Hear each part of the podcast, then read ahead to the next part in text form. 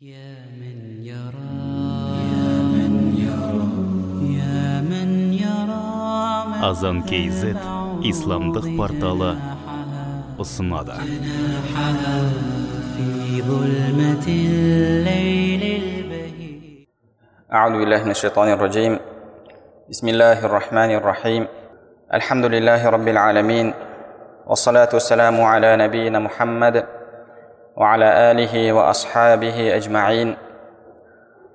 رب اشرح لي صدري ويسر لي أمري واحلل عقدة من لساني يفقه قولي. اللهم علمنا ما ينفعنا وانفعنا بما علمتنا وزدنا علما وعملا وتوقا وإخلاصا يا رب العالمين. أما بعد السلام عليكم ورحمة الله وبركاته. إن شاء الله الله سبحانه وتعالى قال нәпсін тәрбиелеу тақырыбындағы дәрістерімізді әрі қарай жалғастырамыз біз сіздермен сабырлық және шүкірлік бабын үйреніп жатырмыз және өткен дәрісімізде қандай жағдайларда қандай істерде адамға сабырлық қажеттігі жайында айтқан болатынбыз және жалпы бұл дүниеде бізге кезігетін нәрселер жалпы адамның нәпсісіне жағымды болған және жағымсыз қиын болған нәрселер болып бөлінетіндігі жайында айтқан болатынбыз. Жалпы адам нәпсісіне жағымды болған күнә істерге қалай сабырлық танытады? Жалпы кез келген адамның нәпсісіне жақпайтын мәселелерде сабыр етудің жолы бар. Сабыр етудің жолы бар және әрқайсысында білу керек болған нәрсе бар және жасау керек болған амал бар. Енді мәселе қандайлығына байланысты білу керек болған нәрсе және істеу керек болған нәрсе өзгеріп жатады. Енді соның ішінен бір мәселені алып мысал ретінде қарастырып көрсек. Біз өткен дәрістерде жалпы сабырлық жайында айтқан болатынбыз сабырлық деген бұл адамның ішкі сезімі.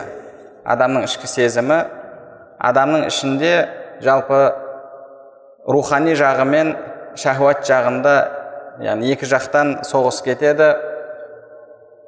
Мынау адамның шахуат жағы адамды сол шахуатына шахуатына жағымды болған нәрсені істетуге тырысады. Екінші жақ керісінше шариғат талап еткені бойынша амал етуге шақырады. Енді қайсысы жеңіп түседі? Егер шахуат жағы басым келсе онда сіз сабырлық танытпаған боласыз. Яғни сол адамның ішкі сезімінен амал туындайды. Енді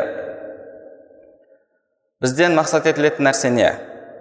Бізден мақсат етілетін нәрсе сол шахуат жағын әлсірету себебі біз шахуатымыздың жеңіліп рухани жағымыздың басым келгенін қалаймыз ондай болатын болса біз рухани жағымызға жүрегіміздегі ішіміздегі қолдан келгенше көмектесуіміз қажет және оның қарсыласы болған шахуатымызды әлсіретуге әрекет жасауымыз керек енді осы мәселені бір мысалмен қарастырып көрсек егер бір адам зина шахуатына төтеп бере алмай жатса шахуаты қалап зинаға түсіп қалады. Немесе зинаға түспесе де көзін сақтай алмайды. Немесе көзін сақтаған күнде де ойынан зинаны шығара алмайды. Соған қатысты мәселелерді көп ойлай береді. Сонымен ойы әрдайым зинаға қатысты мәселелермен мәшғул болады.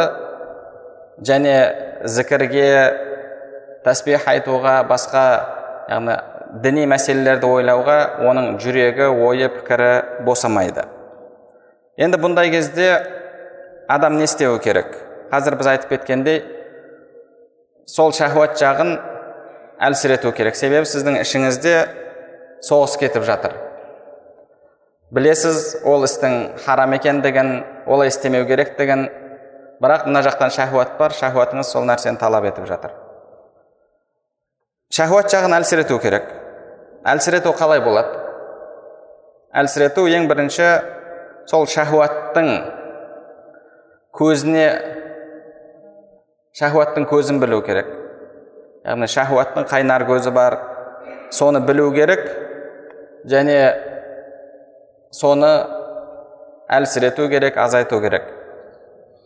Енді адамда шахуатты күшейтетін нәрсе не адамда шахуатты күшейтетін нәрсе бұл тойып тамақ жеу және сол тамақтардың ішінде мысалы адамның жыныстық шахуатын қоздыратын күшейтетін тамақтар болатын болса сондай тамақтардан ұзақтау қажет сондай тамақтардан ұзақтау қажет пайғамбарымыз саллаллаху алейхи вассалам кімде кім үйлене алмаса ораза тұтсын деді ораза тұту не үшін ораза тұту шахуатты әлсірету үшін себебі адам тойып тамақ жеген кезде және тамақтың ішіндегі әлгі құрамында адамның сол жыныстық шахуатын күшейтетін құрамында заттар бар болатын болса сол нәрселерден арылуға тырысу керек біріншіден тамақты аз жеп ораза тұтуға тырысу керек. Және одан кейін сол кешкі уақытта ауыз ашқан кезде де қатты тойып тамақ жеместен жалпы адам яғни өзін әлсіретуге тырысуы қажет. Себебі шахуаттың негізгі көзі бұл адамның тойып тамақ жеуі және тамақтың ішінде әсіресе сол адамның жыныстық шахуатын күшейтетін тамақтарды жеуі. Бұл сіз жасау керек болған бірінші амал. Екінші қадам шахуатыңызды қоздыратын нәрселер бар. Шахуатыңызды қоздыратын себептерден қашуыңыз керек. Шахуатыңызды қоздыратын нәрселерге түсіп қалмауға қолдан келгенше әрекет жасау керек. Енді сіздің шахуатыңыз тамақ жеп алдыңыз. Шахуатыңыз күшейіп тұр. Шахуатыңызды ары қарай қоздыратын нәрселер бар. Мысалы көшеге шығасыз жарты жалаңаш жарты жалаңаш қыздарды көресіз. Жұмысыңызға барасыз тура сондай тағы басқа жерге барасыз тура сондай. Яғни сіз көзіңізбен көресіз әлгіндей шахуатыңызды қоздыратын нәрселерді сонымен шахуатыңыз ары қарай қозады. Егер адам ол нәрселерді көрмейтін болса шахуаты қозбайды. Бұны қажылыққа барған адамдар жақсы біледі. Мысалы қажылыққа барасыз қажылыққа жүресіз ол жақта ешқандай бір әйел әуретін ашып жүрмейді әуреттер жабық шахуатыңызды қоздыратын нәрсе жоқ.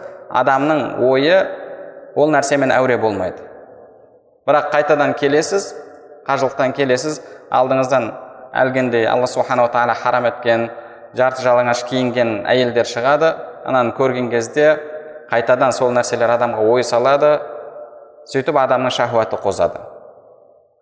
Яғни бірінші шахуаттың көзін әлсірету керек. Екінші шахуатты қоздыратын жерлерден қоздыратын амалдардан ұзақ болу қажет. Көбінше адамның шахуаты осы көз арқылы қозиды. Пайғамбарымыз саллаллаху алейхи уассалам өзінің хадис шарифінде сахмун масмумун мин сихами иблис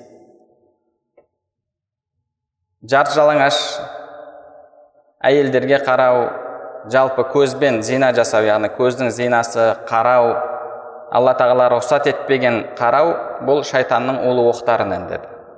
Шайтанның улы оқтарынан. Адам көзін сақтауы қажет. Енді шайтан сіздің былайша айтқанда сізге оқ атайын деп жатыр. Оқты осы көзіңіз арқылы атады. Енді ол оқ атпау үшін не істеу керек? Немесе оның оғы тимеу үшін. Бірінші көзіңізді жұмасыз. Көзіңізді жұма алмасаңыз онда оқ тимейтін жерге қашасыз. Яғни мысалы жұмысыңыз. Жұмысыңызда күнде әлгіндей жарты жалаңаш көріністер. Ойыңыз еш тынышталмайды. Күнде келесіз күнде ойыңыз бұзылады. Күнде көз зинасына түсесіз. Күнде ойыңызда әлгінде жаман нәрселер. Көзіңіз сақтай алмай жатсыз өзіңізді ұстай алмай жатсыз. Не істейсіз ондай кезде? Ондай кезде алла тағаланың рызқы басқа жерде де бар. Рызқыңызды басқа жерден іздеңіз. Себебі ақиретіңіз сіз үшін маңызды. Егер ақиретіңіз маңызды болса ақиретім маңызды алла тағала мен қанша жыл өмір сүретін болсам сол уақытқа дейін рызқымды жазып қойған деген иманыңыз кәміл болатын болса онда рызқыңызды басқа жерден іздеңіз. Неге? Себебі ана жерде жүріп сіз көзіңізді сақтай алмай жатсыз. Екінші жасау керек болған қадам бұл шахуатыңызды қоздыратын мекендерден орындардан амалдардан көріністерден сақтану. Және үшіншісі қолыңыздан келіп жатса шахуатыңызды сол талап етіп тұрған нәрсесін талап етіп тұрған нәрсесін адал жолмен беріп шахуатыңызды тыныштандыру қандыру көңілін табу. Себебі алла субханала тағала адамның табиғатына салған нәрсе бар. Және дініміз ешқашан табиғатына адамның қарсы келмейді. Сол үшін де адамның табиғаты талап еткен нәрсенің алла субханала тағала халал адал жолын бізге беріп қойды. Яғни адам зина жасап қоюдан қорқып жатыр көзін сақтай алмай жатыр. Бұл адам не істеу керек? Бұл адам үйлену керек. Пайғамбарымыз саллаллаху алейхи вассалам өзінің хадис шәріпінде кімнің шамасы келсе үйленсін деді үйлену көзді сақтауға зинаға түсіп қалмауға себеп болады адамның яғни әлгі қозып тұрған шахуатын басады сіз адал жолмен шахуатыңызды басуыңыз қажет болады жалпы адамның шахуатын бір жыртқыш аң деп алатын болсақ немесе бір қабаған ит деп алатын болсақ мысалы адам қабаған итті тәрбиелегісі келсе не істейді? Қабаған ит бойында күші бар. Бірінші оны күшейтіп жатқан тамақтан тосады. Тамақтан тосады. Одан кейін оның көз алдынан қайтадан оның қабаған болуына қайтадан құтыруына себеп болатын нәрселерді алып тастайды. Мысалы сіз егер бір итті қабаған итті тәрбиелеймін десеңіз немесе э, жануарды дейік. Бірінші оны әлсіретуіңіз керек. Одан кейін оны қоздыратын нәрселерді көз алдынан алып тастайсыз. Яғни мысалы сіздің қолыңызда ет тұрса мына жақта ит тұр. Сіз итті қанша қуғаныңызбен қолыңызда ет тұратын болса ол бәрібір сізге қайтып келе береді. Егер қолыңызда ет болмайтын болса оның талап еткен нәрсесі онда қуғаннан кейін ол кетеді. Тура сол сияқты бірінші әлгі шахуаттың көзін біз қазір әлсірету дегенде бірінші оның тамағын азайтасыз. Әлгі оны күшейтетін тамақтардан тыясыз. Екіншісі көз алдынан әлгі ет тағы да басқа сол секілді нәрселерді алып тастайсыз. Үшінші істейтін нәрсеңіз енді бәрібір жүрек жалғауы үшін өліп қалмау үшін оған әлсіздеу етіп тамақ бересіз. Ол әлсірейді кейін сіз оны қалағаныңыздай тәрбиелейсіз. Тәрбиелеуге келеді. Нәпсі де тура сол сияқты. Тамақты азайтасыз. Екіншісі сол шахуатыңызды қоздыратын нәрселерден ұзақ боласыз. Үшіншісі шахуатыңызды адал жолмен шахуатыңыздың адал жолмен қажетін өтейсіз. Осылай істейсіз осы кезде адам әлгінде күнә істерге бармауға сабырлық таныта алады. Енді бұл сіздегі әлгі шахуат жағын әлсірету үшін керек болған амалдар. Енді рухани жағы бар. Сіз мына жақты әлсіретесіз рухани жағыңызды сонымен бірге күшейтуіңіз қажет. Егер ол да әлсіз болып тұратын болса онда пайдасы болмайды. Не істейсіз бірінші күнәнің зардабы сабырлықтың абзалдығы. Сол қандай күнәға сізді шахуатыңыз тартып тұрған болса сол күнәнің қандай зардаптары бар?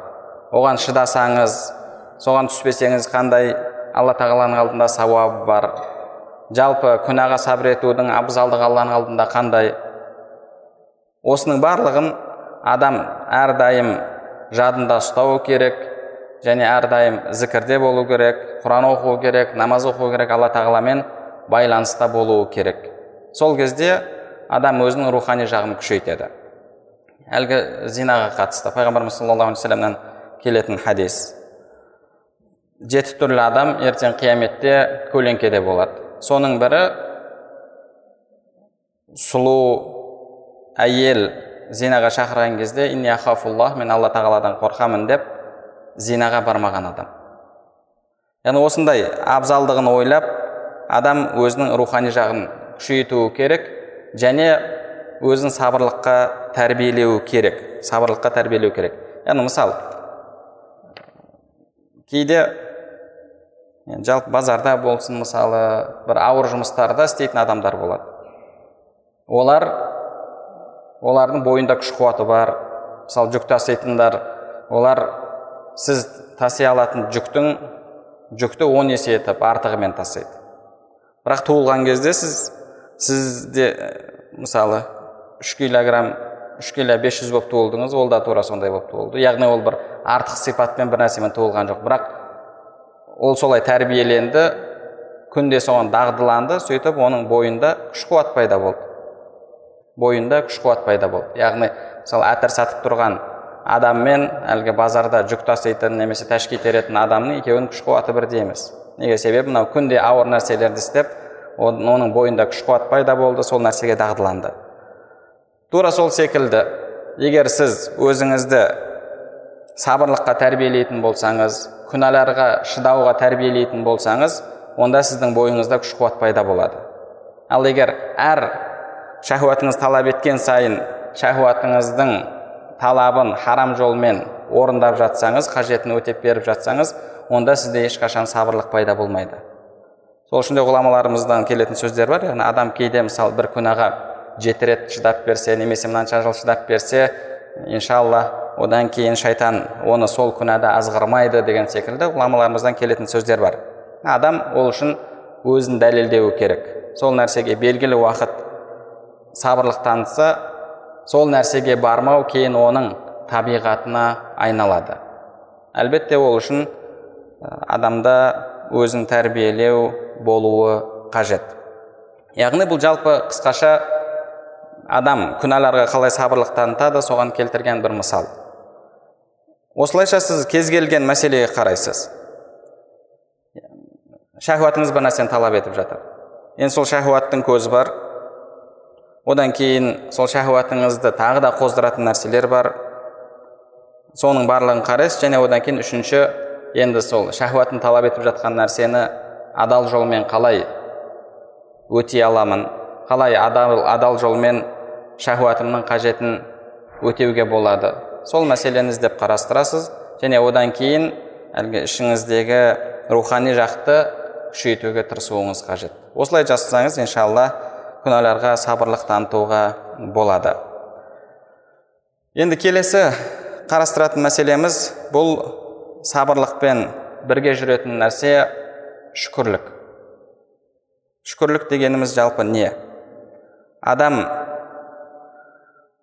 алла тағалаға шүкірлік ететін пенде болу үшін қандай болуы қажет? Жалпы шүкірлік шүкіршілік дегеніміз не? Оның ақиқаты қандай? Оның абзалдығы қандай? Иншалла осы мәселені қарастырып көрейік. Жалпы шүкіршіл болу бұл алла тағаланың алдында өте ұлы мақамдардан яғни адам жететін өте ұлы дәрежелерден. Алла субханала тағала құран кәрімде шүкіршілік пен зікірді екеуін бірге қойды зікір одан үлкен болса да алла субханала тағала екеуін бірге қойды мысалы құранда алла субханала тағала акбар алланы зікір ету барлық нәрседен ұлық дейді бірақ енді ұлық бола тұрса да басқа бір аятта мені зікір етіңдер еске алыңдар мен сендерді еске аламын және маған шүкірлік етіңдер және қарсы келмеңдер күпірлік етпеңдер дейді. Яғни алла субханала тағала бұл жерде шүкірлікпен өзін зікір етуді бірге қойып тұр. Басқа бір аятта алла субханала тағала егер иман келтіріп шүкіршілік етсен, ететін болсаңдар алла сендерді азаптап нетеді деді. Яғни алла субханала тағала сізді азаптамайды.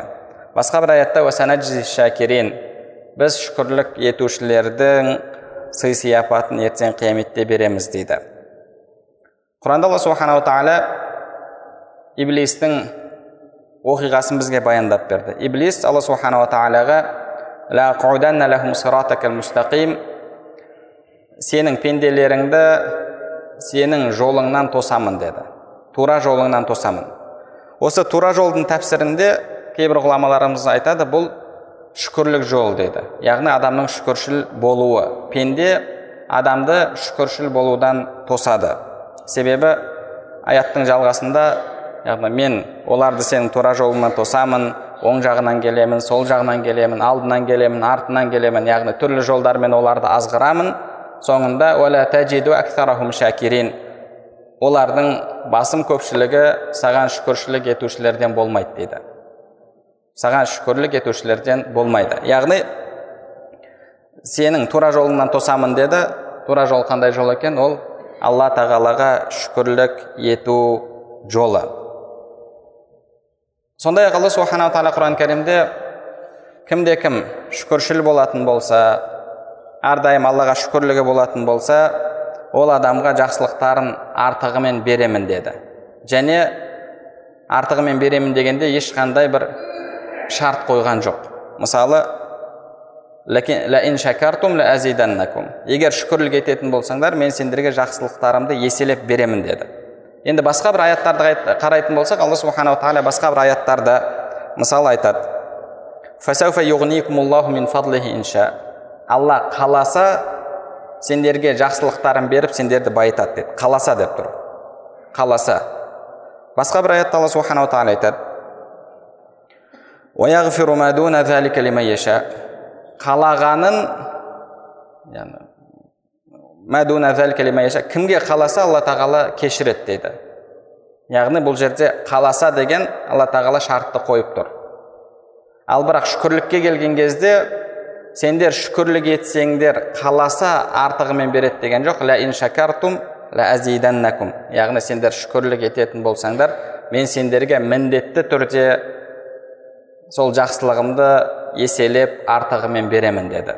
Және біз өткен сабақта айтып кеткендей бұл жерде де араб тілінде әзиду деген сөз бар. Әзиду деген яғни қосамын артығымен беремін еселеймін деген мағынада келетін сөз. Лә деген алдына әріп келген кезде бұл осы етістікті тағы да қолдайды. Тағы да қуаттайды яғни міндетті түрде. Енді артынан тағы да нун келген кезде енді бұны нуну тәукид немесе нуну тәкид яғни бұл да қуаттаушы нун дегенді білдіреді. Яғни алла субханала тағала екі қуаттаушы әлгі әріптерді келтіріп айтып жатыр. Міндетті түрде мен сендерге жақсылығымды еселеп беремін деді егер шүкірлік ететін болсаңдар деді тәубеге қатысты да алла тағала қалаған құлына қалаған құлының тәубесін қабыл етеді деді. Қалаған деп жатыр. Ал бірақ шүкірлікке келген кезде қалаған деп айтқан жоқ. Және алла субханала тағаланың есімдерінен де аллаху шакурун халим өзін шәкур деп атады. Құранда алла субханала тағала тағы да жәннат иелерінің бізге ертең қияметте бір біріне айтатын сәлемдерін және ертең қияметте айтатын сөздерін баяндап берді олар не дейді?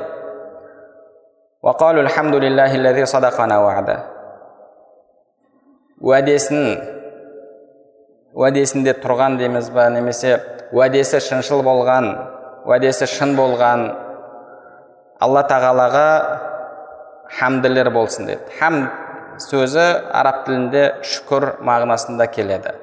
Яғни аллаға шүкірлер болсын және мақтаулар болсын деген мағынада. Және сондай ақ олардың тағы да сөздері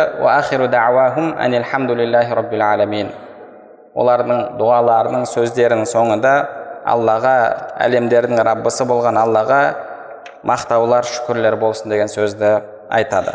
Яғни шүкірлік бұл алла тағаланың алдында адам қол жеткізетін үлкен дәрежелерден. Пайғамбарымыз саллаллаху алейхи уассалам түндер тұрып құлшылық жасайтын құлшылық жасаған кезде аяқтары ісіп кететін сонда айша анамыз жаны ашып я расулаллах сен жәннатсың ғой неге сонша өзіңді қинайсың? деген кезде абдан шакура шүкірлік етуші құл болмаймын ба деді. Яғни шүкірлік ету бұл адамның алла тағаланың алдындағы дәрежесін жоғарылатады аллаға адамды жақын етеді.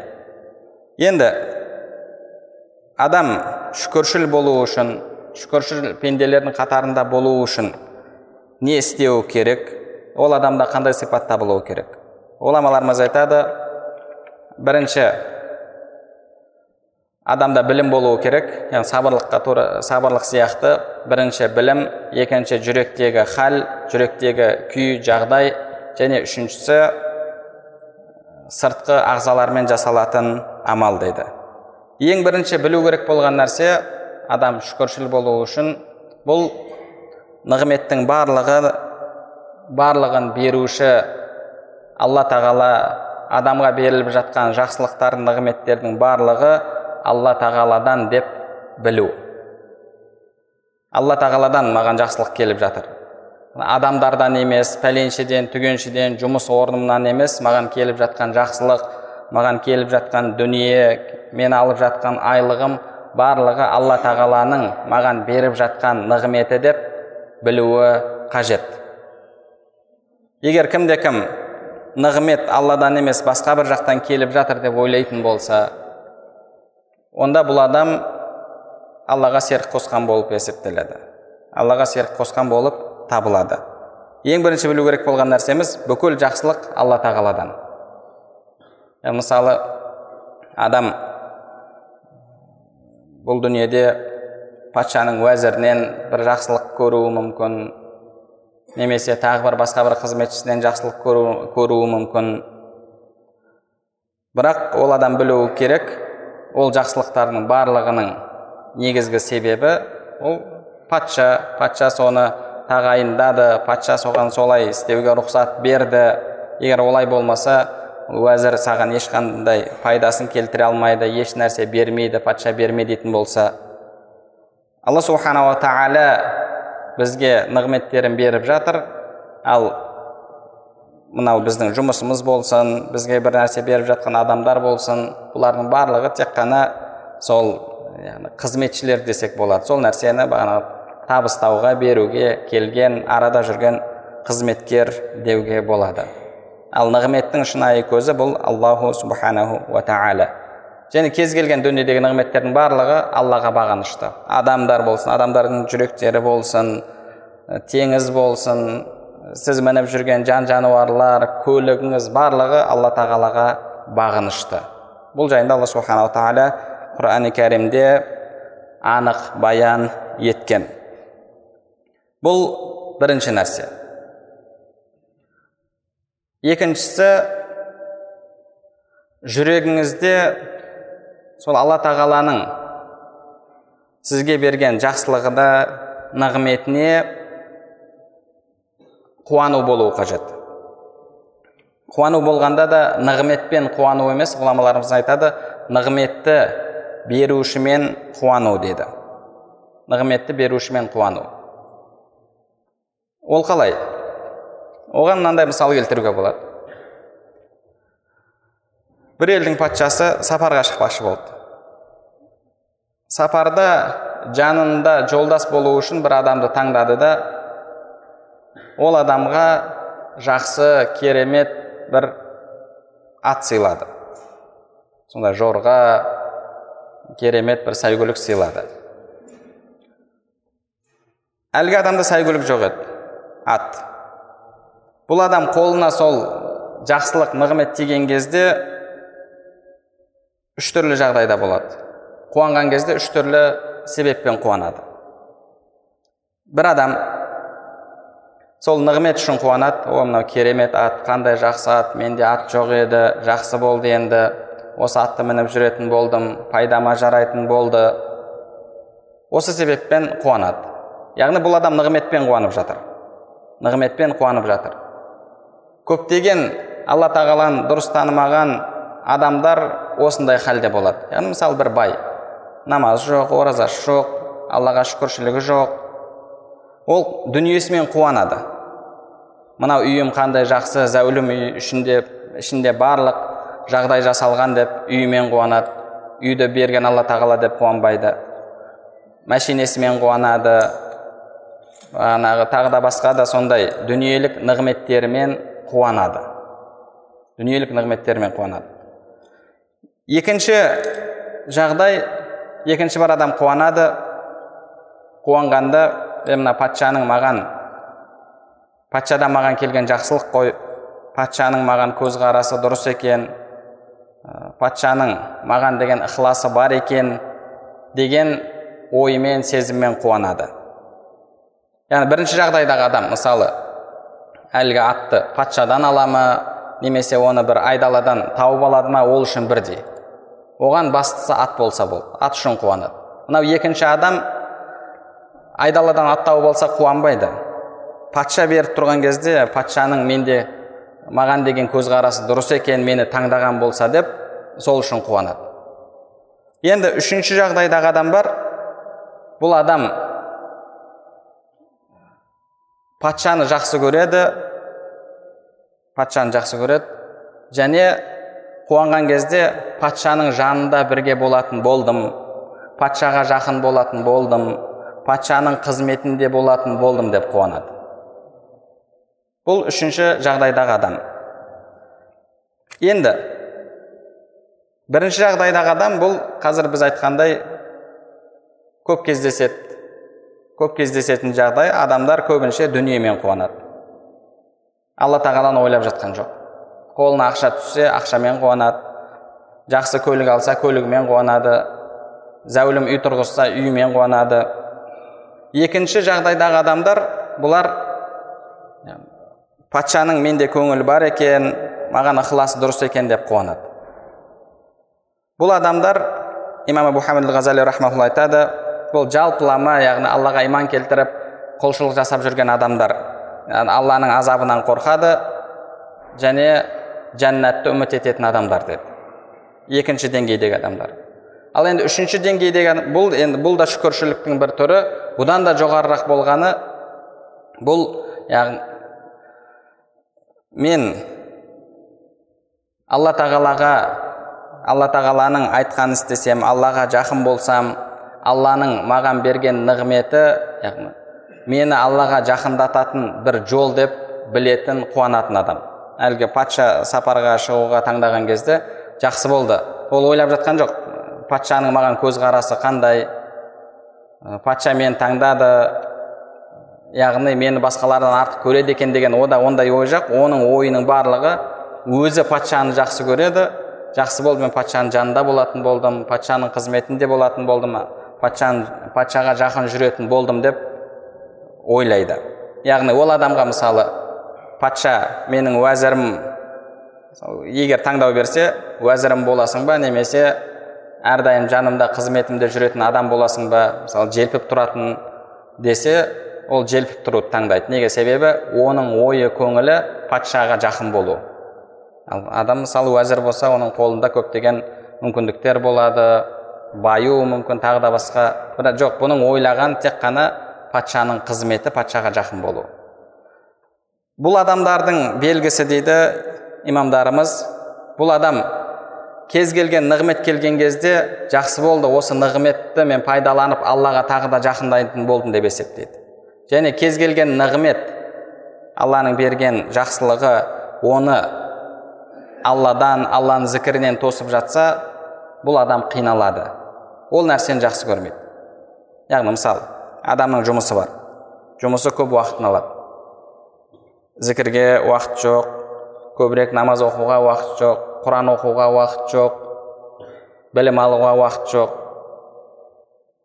бұл жұмыс әлгі адамды алла тағалаға жақындаудан тосып жатыр.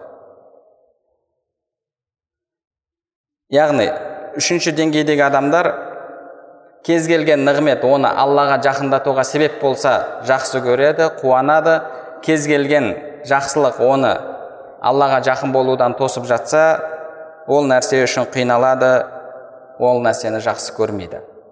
Сол үшін де имамдарымыздан келетін сөз бар.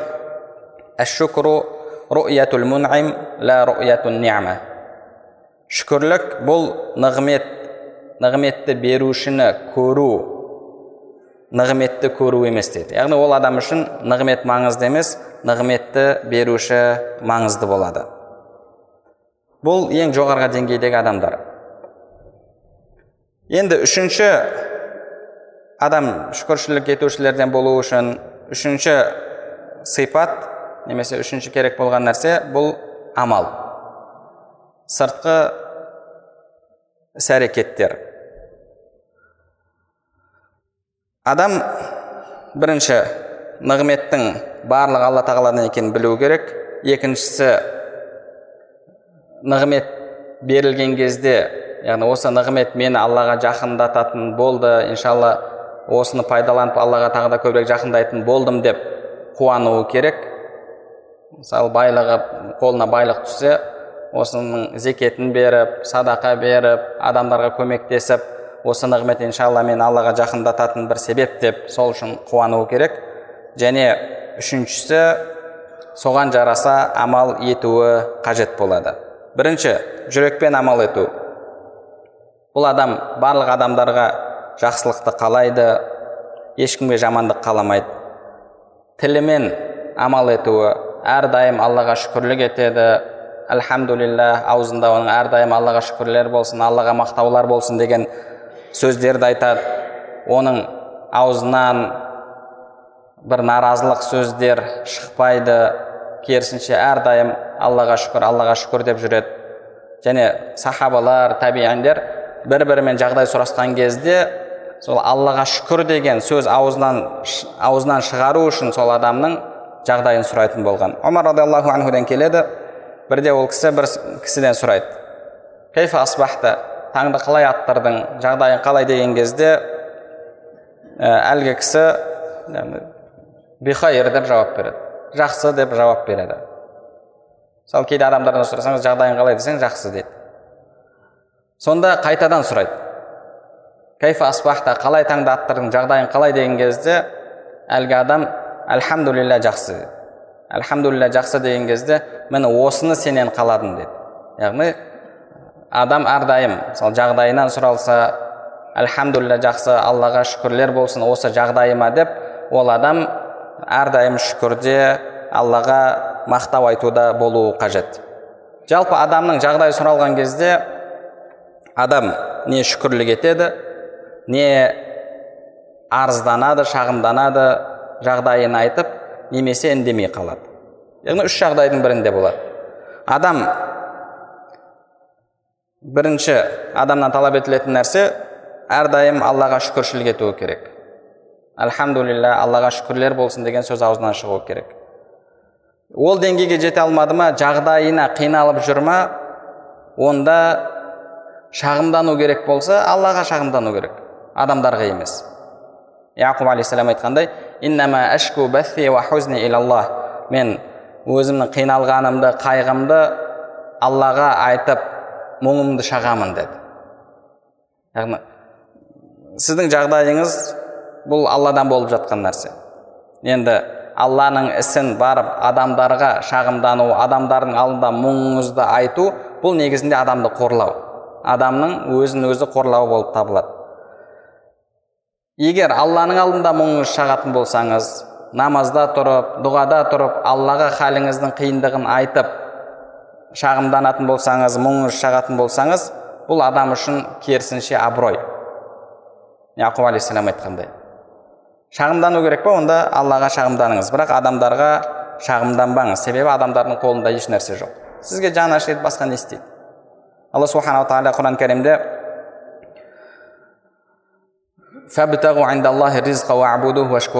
рызықтарыңды алладан іздеңдер аллаға шүкірлік етіңдер аллаға құлшылық етіңдер дейді. Ал басқалар жайында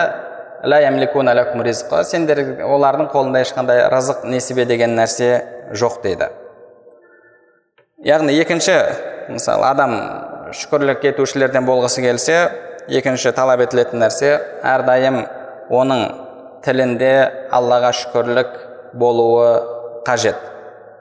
Және әрдайым алла субханала тағала сол берген жақсылығын не нәрсе үшін берді қандай мақсатта берді соған пайдалану керек. Солай болуы керек. Яғни мысалы алла субханала тағала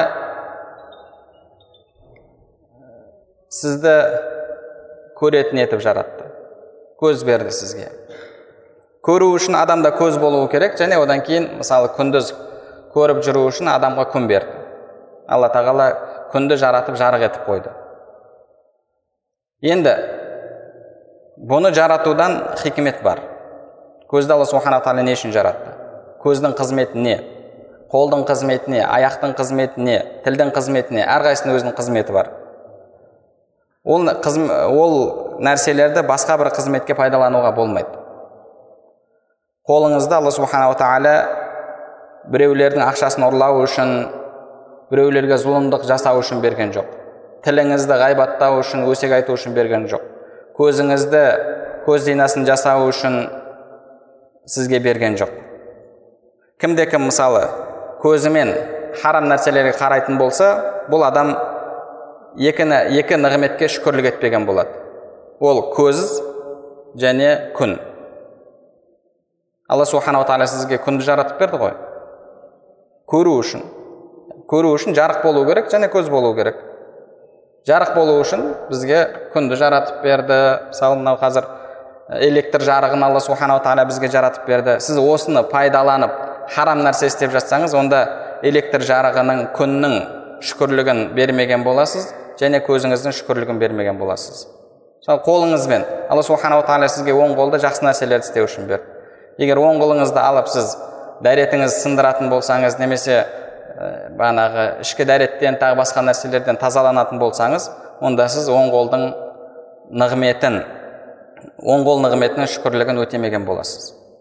Яғни адам қарау керек. Бұл не үшін берілді және сол мақсатта оны пайдалану керек. Оған имам абу ғазали келтірген мысалдары бар. Алла нәсіп етсе соны және тағы да басқа да шүкірлікке қатысты мәселелерді келесі дәрісімізде үйренетін боламыз. Алла субханала тағала бәрімізге пайдалы білім нәсіп етсін білімдерімізге амал етуімізді және амалдарымыздың қабыл болуын нәсіп етсін.